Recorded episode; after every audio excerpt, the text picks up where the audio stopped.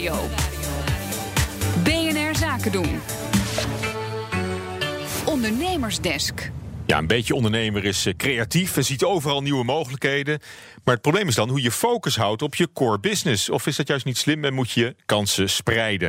Ik ga erover praten met Tom Jessen in de Ondernemersdesk over groei. Hoi Tom. Hoi. Ja, hoe bepaal je nou als ondernemer welke kant je op wil? Moet je focussen of moet je juist differentiëren? Ja, de vraag die je in ieder geval als ondernemer eh, allereerst moet stellen is... wat wil ik eigenlijk en hoe hard wil ik uh, groeien? En bijvoorbeeld, waar ben ik goed in? En wat ook belangrijk is, is natuurlijk... wil je daar externe financiering voor aantrekken? Dat zijn eigenlijk uh, de basisvragen die je zelf als ondernemer moet stellen... om te bepalen waar je je op gaat richten. Ja, en als je die vragen hebt beantwoord... dan zijn er natuurlijk verschillende mogelijkheden. Ja, welke kant kan het allemaal op?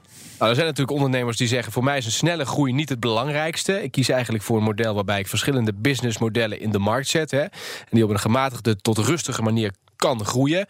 Um, en van waaruit je als ondernemer natuurlijk ook prima verdient. Dat is ook belangrijk. Zonder dat je daarvoor externe financiering aantrekt. Nou, dat is een mogelijkheid die dus ook wel bekend staat als differentiatie. Ja, klinkt ook wel een beetje, beetje saai. Hè? Stel je voor, ik, ik ben ja. meer, een, meer van het avontuurlijke type toch maar externe financiering dan. Ja, precies. Dat is de andere mogelijkheid. Als je venture capital aan wilt trekken, het risicodragende kapitaal, uh, dan heb je met focus meer succes. Um, um, laat als ondernemer zien, hey, hier ben ik goed in en daar focus ik me op.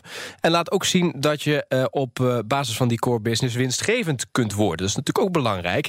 Um, en dan kun je van daaruit weer nieuwe markten betreden. Ja, en waarom is juist bij het aantrekken van externe financiering zo belangrijk om die focus te bewaren? een investeerder, investeerder die kijkt natuurlijk als eerste naar het, uh, het rendement dat mogelijk is op de investering uh, die degene doet. En die investeerder die gaat dat plan ook beoordelen en stelt zichzelf ook de vraag van hoe realistisch is eigenlijk het plan? En wil ik mijn, mijn geld daar wel insteken en levert het ook een rendement op? Nou, met zo'n gefocust verhaal en ook een gefocuste aanpak is de kans eigenlijk het grootst dat zo'n investeerder geld in je plan stopt als ondernemer. Gewoon omdat het een helder verhaal is. Ja, ja je hebt het over focus. Hoe, hoe zou je focus omschrijven? Wat is daar de definitie van? Ja. ja, dat hebben we aan verschillende ondernemers gevraagd. En wat meerdere malen terugkomt is dat, dat je een helder beeld moet hebben... van welke product-marktcombinatie je opricht. Nou, dat klinkt een beetje vaag.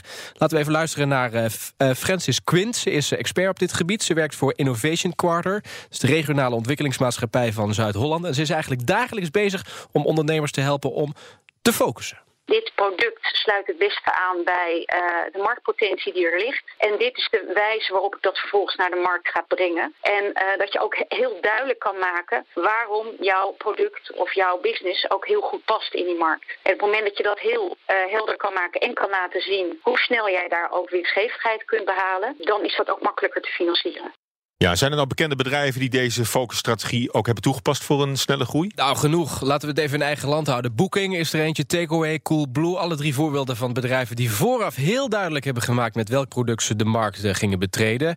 Dus die hadden een, een hele duidelijke mis, uh, missie en een duidelijke visie over welke markt uh, ja, ze, ze gingen betreden en hoe ze dat gingen aanpakken. Nou, we laten het even liggen verder, die focusstrategie, want we hebben ook nog de differentiatie. Ja.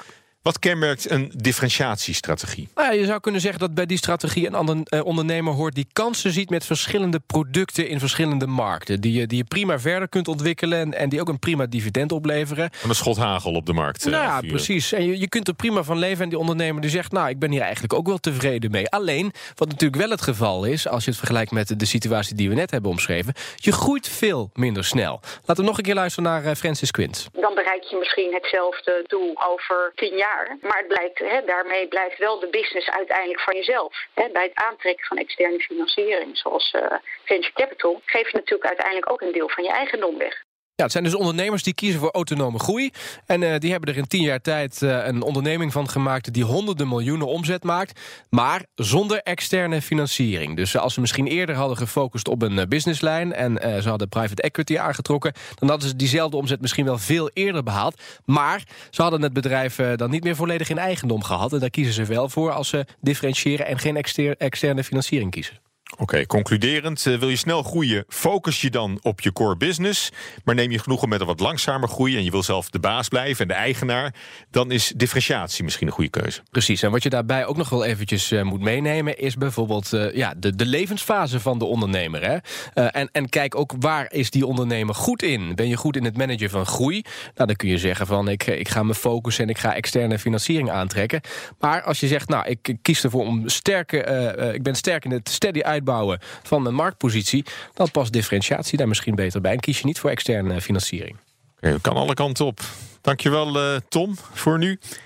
Ondernemersdesk over groei wordt mede mogelijk gemaakt door NIBC. NIBC, de bank voor ondernemende mensen.